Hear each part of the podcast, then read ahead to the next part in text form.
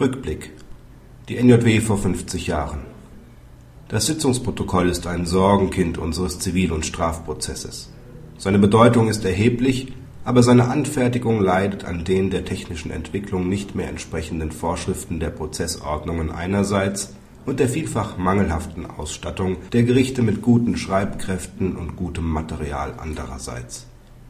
Die Verwendung des Tonbandes für die Protokollierung, die doch technisch so nahe liegt ist in weiterem Rahmen wohl erstmals auf dem Juristentag 1955 öffentlich diskutiert, bisher aber nur in wenigen besonders bedeutenden Strafprozessen und dort unabhängig vom eigentlichen Protokoll praktiziert worden, schrieb Amtsgerichtsrat Walter Rassow aus München in Heft 18 der NJW vom 2. Mai 1958 in seinem Aufsatz Sitzungsprotokoll und Tonband die erforderlichen Investitionen in die neue Technik hielt er wirtschaftlich für vertretbar.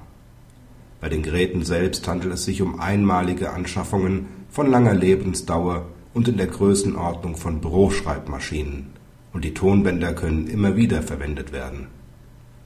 Zusätzliche Schreibkräfte sind, wenn überhaupt, nur wegen des größeren Umfangs der Protokolle in erträglicher Zahl erforderlich und besonders hohe Anforderungen technischer Art werden an sie nicht gestellt. Das Fazit des Autors zu dieser technischen Neuerung war konsequent. Aus der Erkenntnis, dass das Tonband als Hilfsmittel bei der Protokollführung verwendet werden darf und kann, folgt, dass es verwendet werden muss. Rassow faszinierte an der technischen Neuerung, dass sie die Möglichkeit bot, echte Wortprotokolle der Verhandlung zu führen. Eine Idee, die aber in dieser Konsequenz bis heute nicht umgesetzt wurde